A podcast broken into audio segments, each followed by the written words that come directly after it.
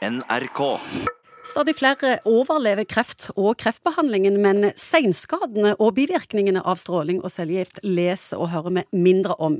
Kreftbehandling herjer skikkelig hardt med kroppen, og Kreftforeningens tall sier at 35% har fått store senskader, selv om de er erklært friske. Og de tror mørketallene er mye høyere. Lege Morten Munkvik, hva tror du? Jeg tror nok òg at det er vanlig å sitte igjen med seinskader etter selve kreftbehandlingen. Fordi den er tøff på alle kroppens celler, ikke bare på kreftcellene som man er meint å angripe. Hvordan er kroppen etter en kreftbehandling? Det er nesten helt umulig å si en generell ting på det. For det at eh, de forskjellige kreftsykdommene herjer forskjellig med kroppen, og de forskjellige kreftsykdommene har forskjellig type behandling. Du vet, Man har ofte en miks av cellegift, stråling og noen ganger kirurgi som skal angripe de kreftcellene som man har, eller kreftsvulstene som man har. Og kroppen vil reagere veldig forskjellig på de forskjellige Så jeg kan ikke spørre deg om eh, hvordan påvirker stråling kroppen, og hvordan påvirker cellegift kroppen? Jo, du kan spørre om det, men man vet jo det at eh, cellegift, f.eks., dersom man kombinerer forskjellige typer cellegift, så vil bivirkningene bli mindre. Så man finner stadig nye cocktailer som man skal forsøke å målrette behandlingen mot kreftcellene og ikke mot eh, kroppscellene. Men, men, alle cellene i kroppen vil få seg en trøkk ved cellegift. Det ligger jo i navnet cellegift. Beskriv få seg en trøkk.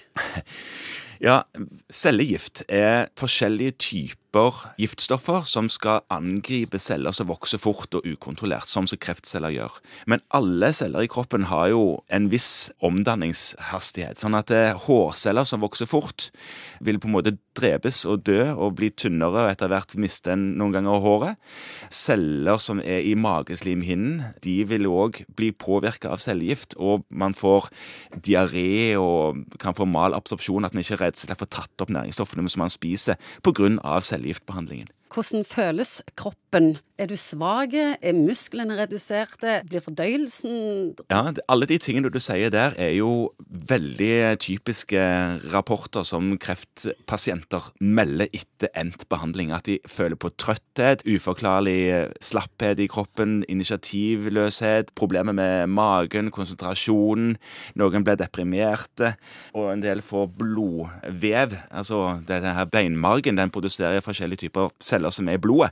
Og den kan bli satt litt ut av spill, sånn at man blir mer mottagelig for infeksjonssykdommer fordi de hvite blodcellene reduseres. Blodplatene kan bli mindre, og da får man blødninger. Mister en del av de røde blodcellene sine og blir trøtt og slapp og sliten, og treningskapasiteten går ned og sånne ting pga. det. Så det er et vell av symptomer som ikke går an å si egentlig en generell ting om. Hvorfor har vi hørt så lite om dette?